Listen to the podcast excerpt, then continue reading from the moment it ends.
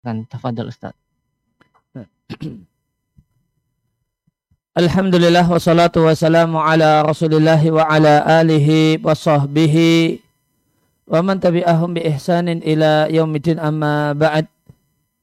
Kaum muslimin dan muslimah rahimani wa rahimakumullah kembali kita lanjutkan kajian fikih keluarga dari kitab Fikul Usrah karya tim ilmiah Yayasan Turar Saniyah hafizahumullahu taala. Kita masih di pembahasan tentang wanita-wanita yang haram untuk dinikahi. Dan wanita yang haram untuk dinikahi itu ada tiga macam. Haram dinikahi karena nasab, haram dinikahi karena hubungan perkawinan, dan haram dinikahi karena hubungan persusuhan. Dan telah kita bahas uh, dua sebab keharaman yaitu karena nasab, kelahiran atau hubungan darah dengan karena perkawinan. Dan dalam kesempatan malam hari ini kita lengkapi dengan faktor yang ketiga yaitu de, haram menikahi seorang perempuan karena faktor persusuhan. Dan yang haram karena persusuhan adalah sama persis dengan yang haram karena hubungan eh, darah atau nasab. Yang haram karena yang haram dinikahi karena nasab itu ada tujuh golongan, maka berarti yang ini juga ada dalam uh, yang haram dinikahi karena persusuhan juga ada tujuh jenis perempuan.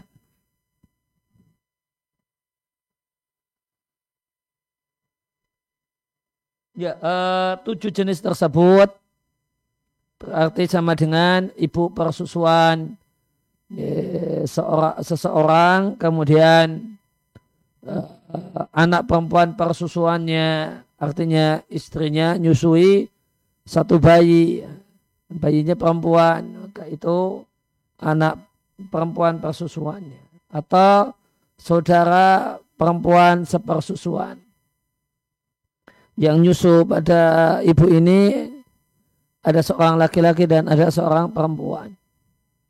Ini saudara perempuan persusuan. Kemudian anak saudara persusuan.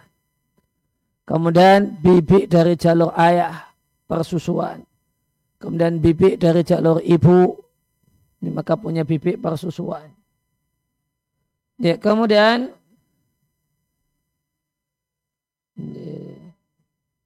ibu persusuan dari istrinya.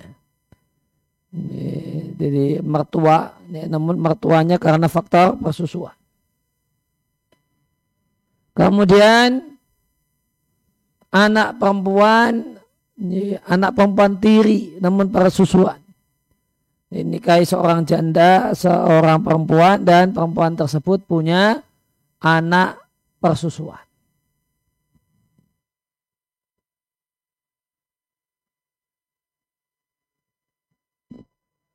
Kemudian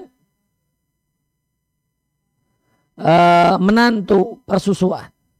Dia punya anak laki-laki persusuan, kemudian dia nikah menantu persusuan. Nah ini ini semua adalah wanita-wanita yang haram untuk dinikahi karena faktor persusuan menurut kesepakatan empat madhab.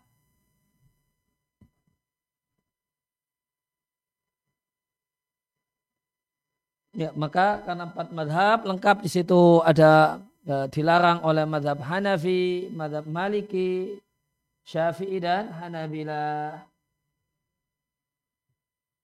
Dalilnya dari Al-Quran, firman Allah Ta'ala, wa ummahatukum allati arda'nakum wa akhawatukum minar rada'ah. Dan ibu persusuan kalian dan saudara persusuan kalian itu haram untuk kalian nikahi. Dalil dari hadis, maka kalau di ayat Al-Quran ada dua persusuan yang ditegaskan. Yaitu ibu persusuan dan saudara persusuan.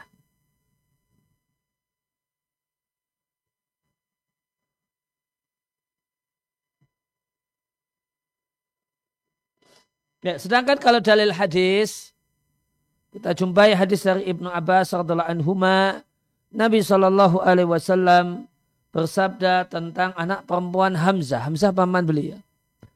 Jadi Hamzah itu Hamzah bin Abdul Muthalib secara darah adalah uh, paman Nabi, namun secara persusuan adalah saudara persusuan Nabi. Kalau dilihat untuk anak perempuan Hamzah, kalau dilihat dari dari jalur nasab, anak paman berarti sepupu. Sepupu itu ha, itu halal untuk dinikahi, boleh nikah dengan sepupu. Namun yang jadi problem Hamzah itu juga itu adalah saudara persusuan. Maka ini berarti anak saudara persusuan alias keponakan persusuan dan keponakan persusuan itu mahram karena persusuan.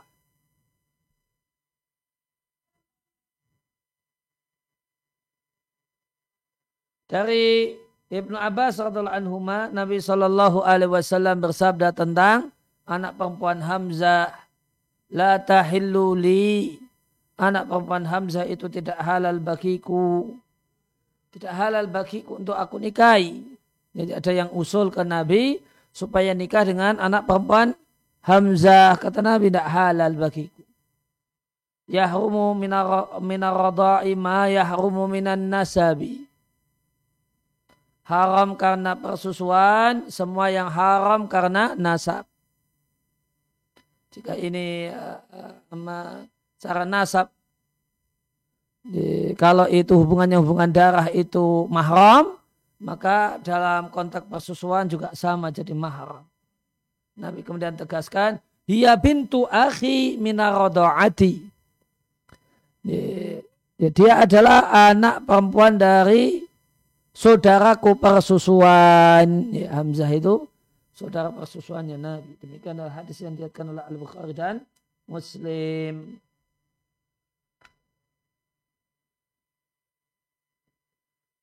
Ya, kemudian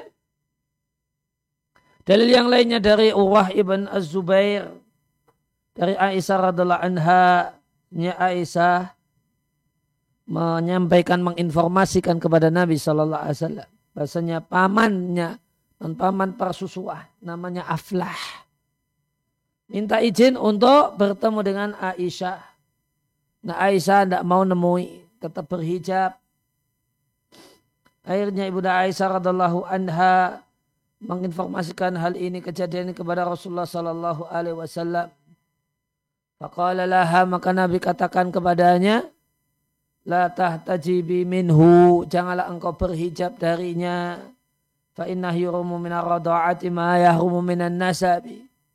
Haram karena persusuan, semua yang haram karena nasab. Maka semua yang haram karena nasab itu di copy paste ke persusuan. Nah, maka dalam dalam uh, dalam nasab paman nasab itu mahram. Maka dalam persusuan paman persusuan itu mahram. Saya disusui oleh seorang ibu, ibu ini punya uh, amah ya, punya suami, suaminya punya adik. Nah ini adiknya ini adalah ammah, paman dari jalur ayah persusuan.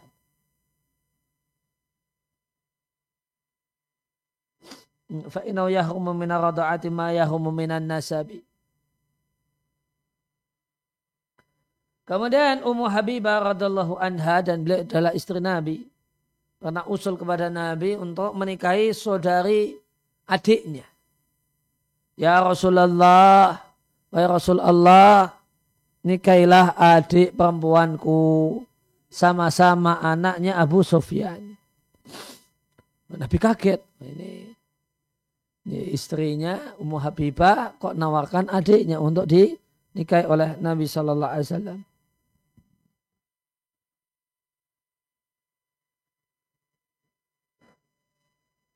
Eh, maka Nabi mengatakan, apakah engkau suka hal itu terjadi?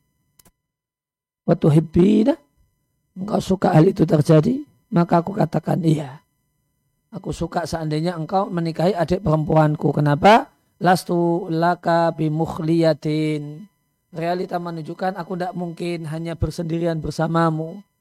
Kita hidup dalam keluarga poligami. Maka wa ahabu man syarokani fi khairin ukhti. Dan orang uh, yang paling aku inginkan untuk bersama denganku dalam kebaikan, menikmati kebaikan, suami yang uh, peduli, suami yang uh, baik dengan sua istrinya, ini satu kebaikan. Aku ingin orang yang uh, yang aku inginkan untuk mendapatkan kebaikan dalam berkeluarga sebagaimana aku mendapatkannya adalah saudariku sendiri.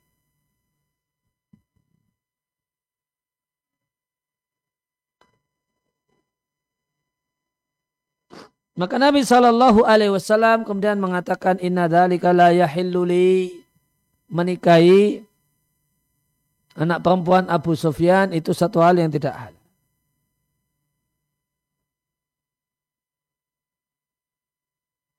Ya, kenapa? Karena berarti mempopoli, mempoligami kakak beradik. Ummu Habibah sudah jadi istri Nabi, kemudian Nabi nikahi adiknya. Nah ini tidak boleh. Maka Ummu Habibah, Romlah binti Abi Sufyan kemudian mengatakan, Ya Rasulullah, wahai Rasulullah, wallahi demi Allah, kami dengar-dengar isu, dengar-dengar berita, Bahasanya engkau ingin menikahi Durah. Dan Durah itu anaknya Abu Salamah. Durah anaknya Abu Salamah kata Nabi. Iya isunya seperti itu. Maka Nabi katakan maka wallahi turah ini tidak dalam pengasuhanku maka dia tidak halal bagiku. Ditambah Durah ini juga anak perempuan saudariku persusuan. Aku dan Abu Salama itu sama-sama disusui oleh Tuwaibah. Jadi ini ada tiga orang bersaudaraan. Hamzah, ini semua ibu susunya adalah Thuwaibah. Hamzah Nabi kita Muhammad Sallallahu Alaihi Wasallam. Kemudian Abu, kemudian Abu Salam. Maka jangan tawarkan padaku anak perempuan atau saudari-saudari kalian. Demikian dalam hadis yang dikeluarkan oleh Al-Bukhari dan Muslim.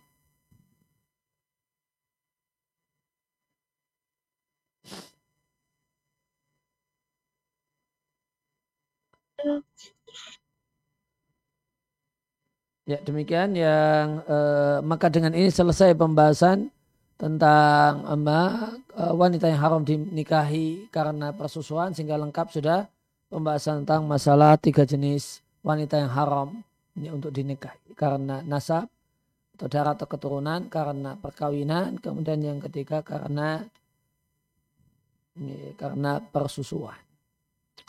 Uh, namun perlu diketahui syarat persusuan ya yang bisa menyebabkan mahram itu ketika masih bayi umur kurang dari dua tahun kemudian disusui sebanyak lima kali ya lima kali kenyang. Dia minum sampai puas kemudian berhenti kemudian uh, minum lagi uh, sampai uh, ya lima kali persusuan maka dengan itu sah menjadi anak persusuan Nah, anak persusuan ini tidak punya imbas apa pun, kewajiban nafkah dan sebagainya tidak, ya, tidak ada imbas apa pun eh, kecuali hubungan kemahroman, tidak ada kewajiban menafkahi, kemudian jadi wali nikah dan sebagainya. Demikian uh, sallallahu ala nabiyina Muhammadin wa ala alihi wa sahbihi wa salam wa akhiru da'ana alhamdulillahi rabbil alamin. Moga Mas Anggi.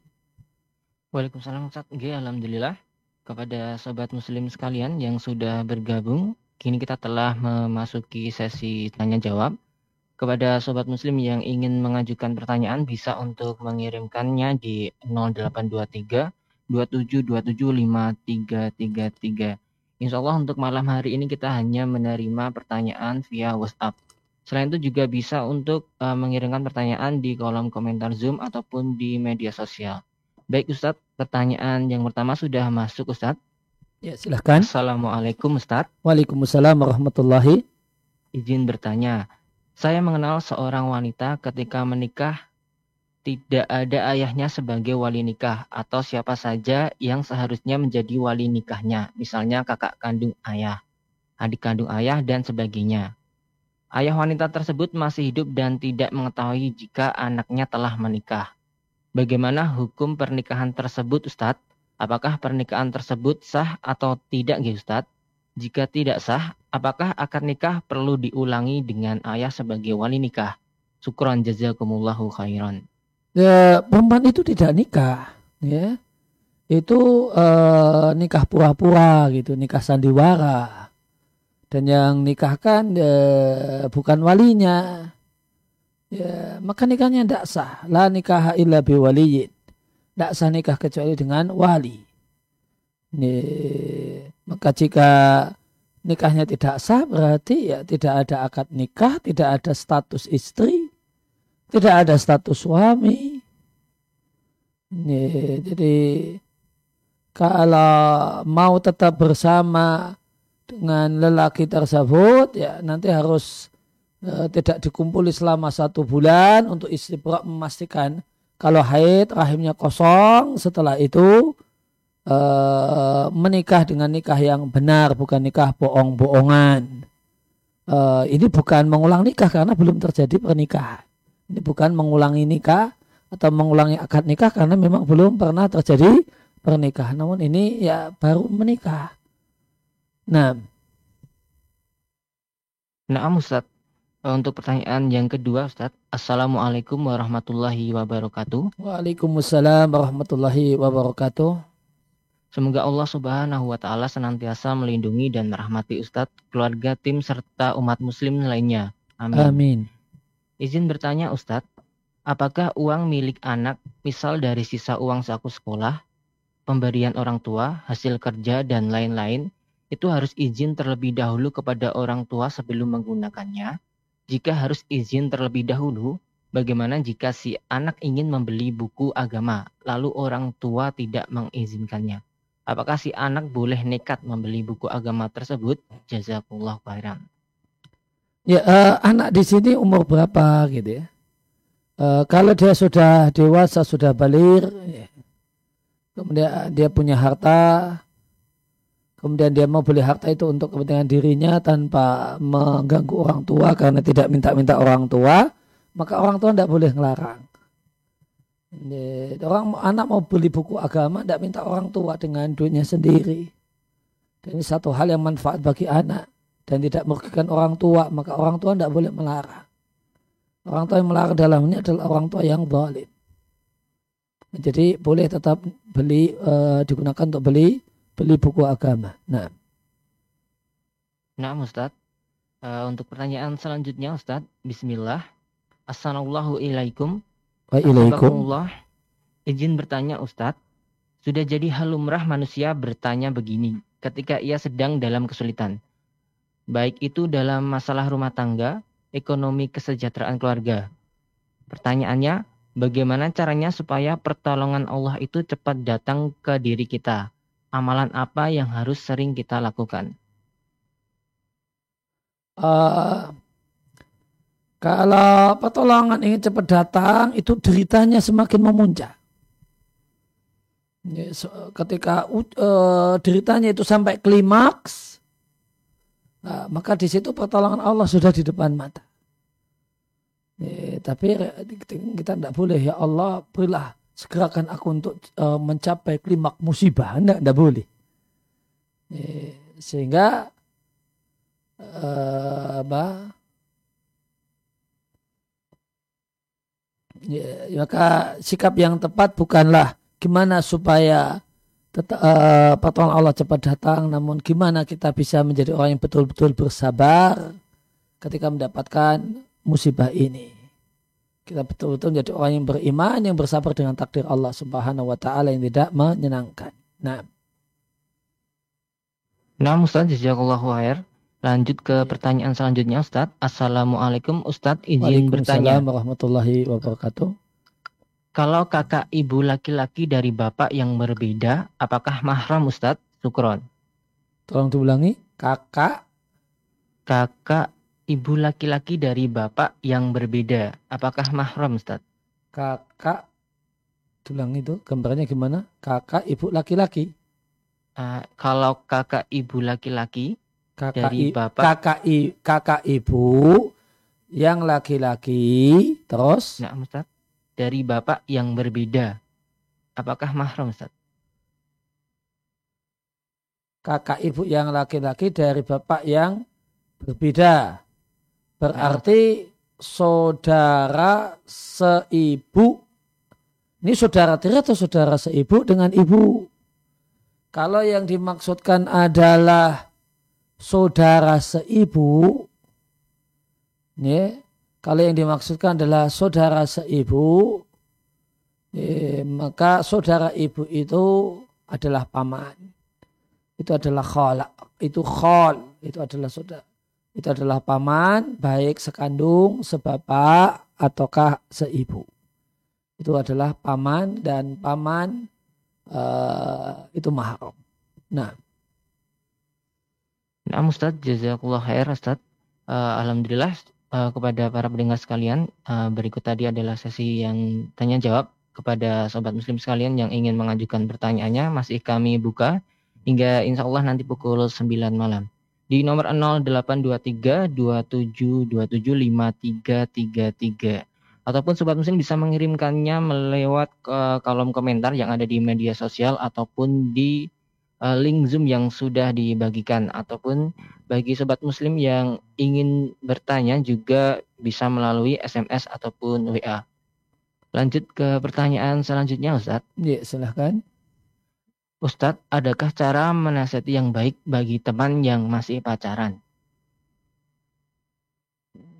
Iya, di maka yang uh, yang baik uh, boleh jadi tidak pakai dalil-dalil agama, namun pakai dalil nalar sehat, bahaya pacaran. Ya, silahkan itu di diinventarisir uh, bahaya pacaran, ya bahaya pacaran, kemudian uh, uh, ya dari sisi dari banyak sisi ya, dari sisi dosanya, dari sisi buang-buang waktu, dari buang-buang uang dan seterusnya. Dan itu yang dijadikan sebagai materi obrolan bersama kawan tersebut. Nah, nah Ustadz, uh, pertanyaan selanjutnya, Ustadz di kampus ada dosen perempuan, bolehkah kita memandangnya dalam rangka memperhatikan pelajarannya?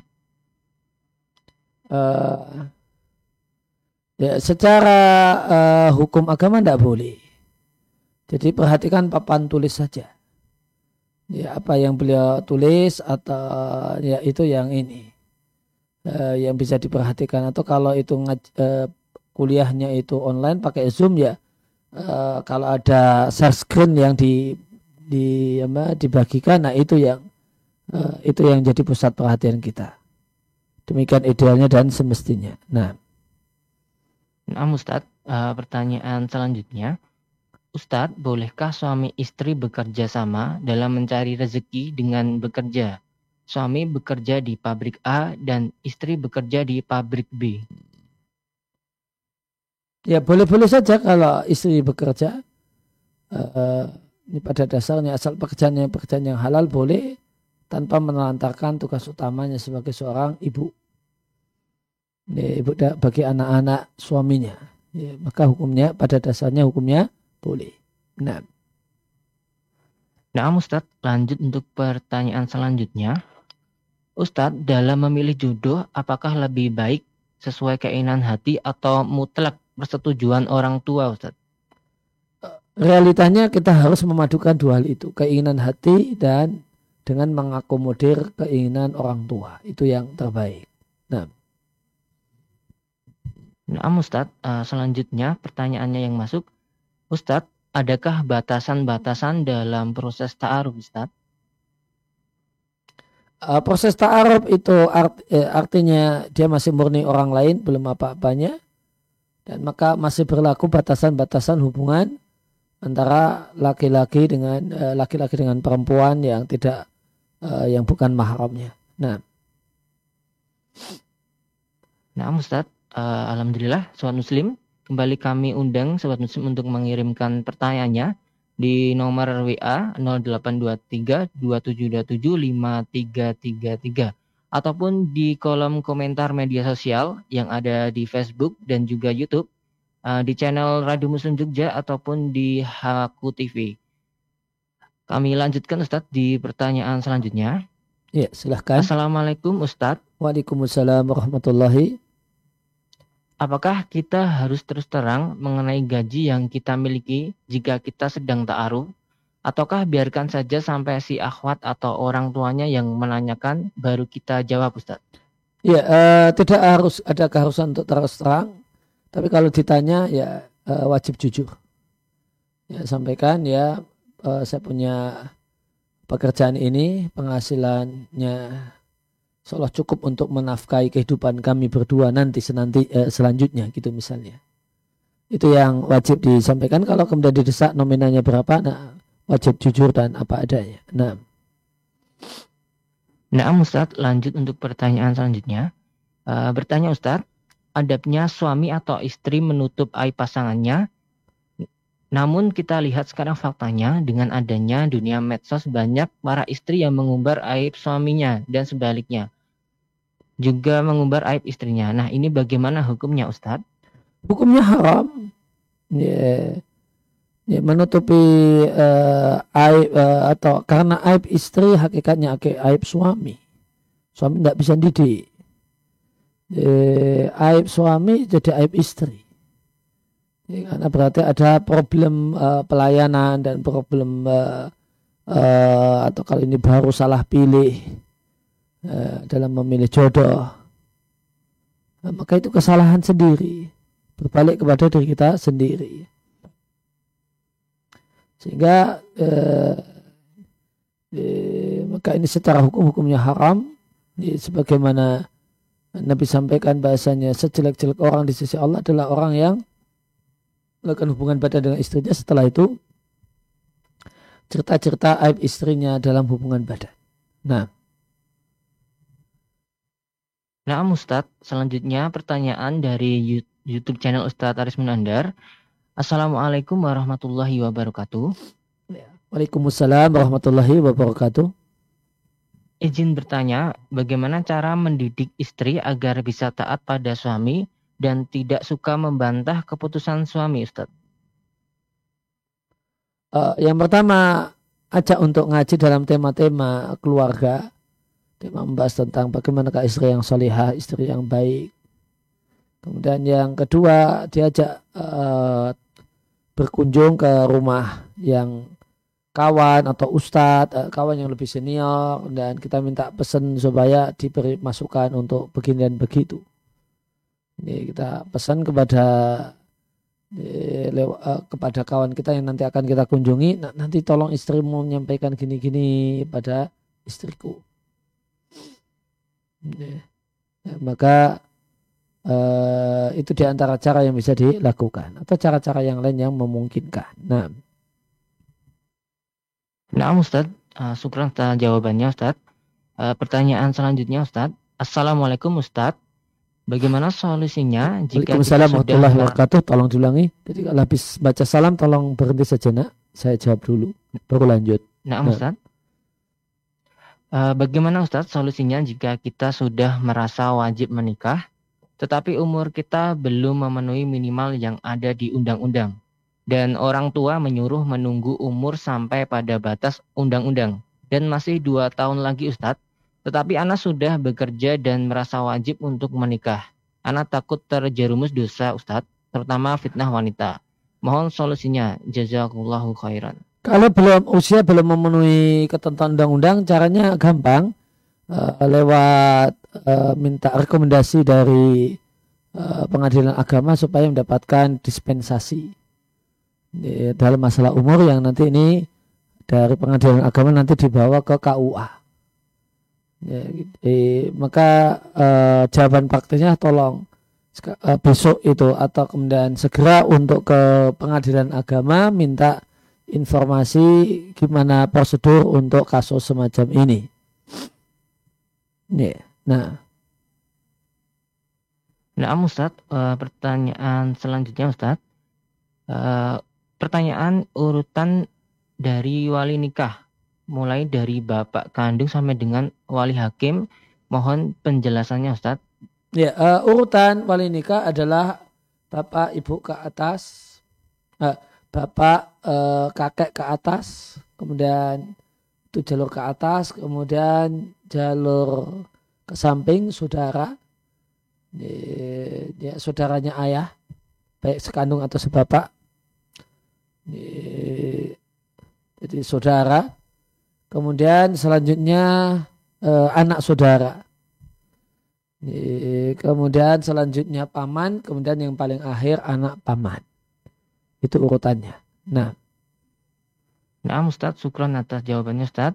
Uh, pertanyaan selanjutnya Ustaz, apakah ada masa idah bagi wanita tua yang sudah menopause Ustaz? Ya, ada masa idahnya sebanyak tiga kali, eh, tiga bulan. Sebagaimana firman Allah di surat At-Talaq. Nah. Nah, Ustaz, Uh, pertanyaan selanjutnya Ustaz yang masuk di redaksi kami. Ustadz, bagaimana sikap kita bila kita diminta menjadi penengah pasutri yang sedang berselisih atau bertengkar Ustadz? Ya, jadi penengah tentu bagian dari amal soleh. Hadirkan dua-duanya. Uh, silahkan kemudian siapa yang mau cerita diminta untuk satu-satu. Setelah itu di cerita ini dikonfirmasi pada pasangan, ya, dikonfirmasi, dikonfirmasikan kepada pasangan, diakui, setelah itu disimak apa akar permasalahannya, kemudian putuskan dan berikan saran. Dan pemberian saran di sini statusnya sebenarnya keputusan. Nah itu amal soleh. Jika memang dipercaya untuk menengahi keduanya. Nah. Nah, Ustadz, uh, kembali masuk di WA Radio Muslim Ustadz. Assalamualaikum warahmatullahi wabarakatuh. Waalaikumsalam warahmatullahi wabarakatuh. Semoga Allah melimpahkan keberkahan kepada Ustadz, keluarga, serta kaum muslimin. Amin.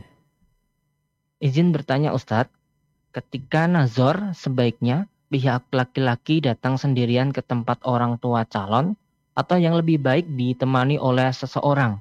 Dan hal penting apa saja yang harus dilakukan ketika nazor? Jazakumullahu khairan. Tolong diulangi.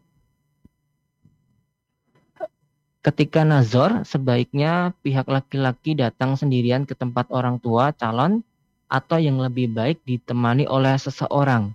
Dan hal uh, penting jawabannya apa saja? Uh, jawabannya bebas, boleh uh, boleh ditemani, boleh uh, kalau berani sendirian langsung ya tidak apa-apa. Kemudian bagian yang kedua. Dan hal penting apa saja yang harus dilakukan ketika nazar Ustaz? ya mengcek data yang sudah didapat sudah dapat bio eh, biodatanya itu dicek dikoskan diobrolkan dipastikan. Uh, itu yang apa yang paling pokok. Kemudian hal-hal yang lainnya pengembangan-pengembangan yang lainnya yang diperlukan untuk ditanyakan. Selain masalah uh, apa me, ya, me, mengkonfirmasi kebenaran biodata yang telah didapatkan. Nah. Nah, Ustaz, syukur atas jawabannya, Ustaz. Uh, kembali pertanyaan dari YouTube channel Ustadz Aris Munandar. Bismillah. Assalamualaikum Ustadz. Waalaikumsalam warahmatullahi. Assalamualaikum. ilaikum. Wa ilaikum. Apakah lebih baik kita mendoakan teman kita yang sudah lama berpacaran untuk segera menikah atau mendoakan untuk putus dengan pacarnya Ustadz? Eh, doakan agar supaya tidak semakin memperbanyak dosa dengan pacaran. Gitu kemudian dan doa ini wajib diiringi dengan usaha menasehatinya. Bukan hanya diam saja. Nah. Nah Ustaz, syukuran atas jawabannya Ustaz. Kembali kepada sobat muslim sekalian untuk bergabung di sesi tanya jawab ini untuk mengirimkan pertanyaannya di nomor WA 0823 2727 5333.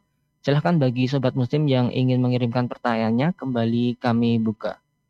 Baik Ustadz untuk pertanyaan selanjutnya Ustadz. Ustadz, dalam proses berumah tangga, hal-hal apa saja yang perlu dilakukan agar tetap menjaga keharmonisan? Di antara hal yang penting adalah tidak menuntut kesempurnaan dari pasangan, kemudian yang kedua adalah mudah untuk mengakui salah dan minta maaf. dan mudah untuk memaafkan. Itu di antara hal yang mendasar. Nah. Nah, Ustaz. Ya, uh, uh, mungkin uh, apa? Satu atau dua pertanyaan lagi ya. Uh, nah, Ustaz. Saya kurang fit ya. Syafakullah Ustaz. Baik, pertanyaan selanjutnya Ustaz. Bagaimana jika ada saudara yang mau nikah, kemudian ada seragam keluarga yang harus dipakai? Seragamnya batik. Apakah boleh memakainya atau izin kepada suami Ustaz? Ya, enggak, uh, kalau batik dan tidak ada masalah di batik dan kalau ini perempuan dan itu posisinya hanya di lingkungan perempuan tidak mengapa dipakai. Kalau mau diobrolkan dengan suami supaya suami ikut menimbang sebaik, sebaiknya bagaimana satu hal yang lebih bagus. Nah, Nah, Ustadz, ya, dan pada malam hari ini adalah pertanyaan terakhir Ustadz, sekaligus nanti untuk menutup kajian kita Ustadz. Pertanyaannya Ustadz, Ustadz sebaiknya kapan memasukkan anak ke pondok pesantren? Mohon bimbingannya. Kebetulan anak kami berusia tujuh tahun. Apakah sudah ideal Ustadz? Uh, saran saya idealnya adalah uh, masuk SMP. Setelah lulus SD itu ya, di antara waktu yang tepat untuk memondokkan menyekolahkan anak di pesantren. Tambahi satu itu yang di Zoom, Mas. Ya, nah, Ustaz. Bismillah, Assalamualaikum warahmatullahi wabarakatuh. Waalaikumsalam warahmatullahi wabarakatuh. Assalamualaikum ya Ustaz. Waalaikumsalam.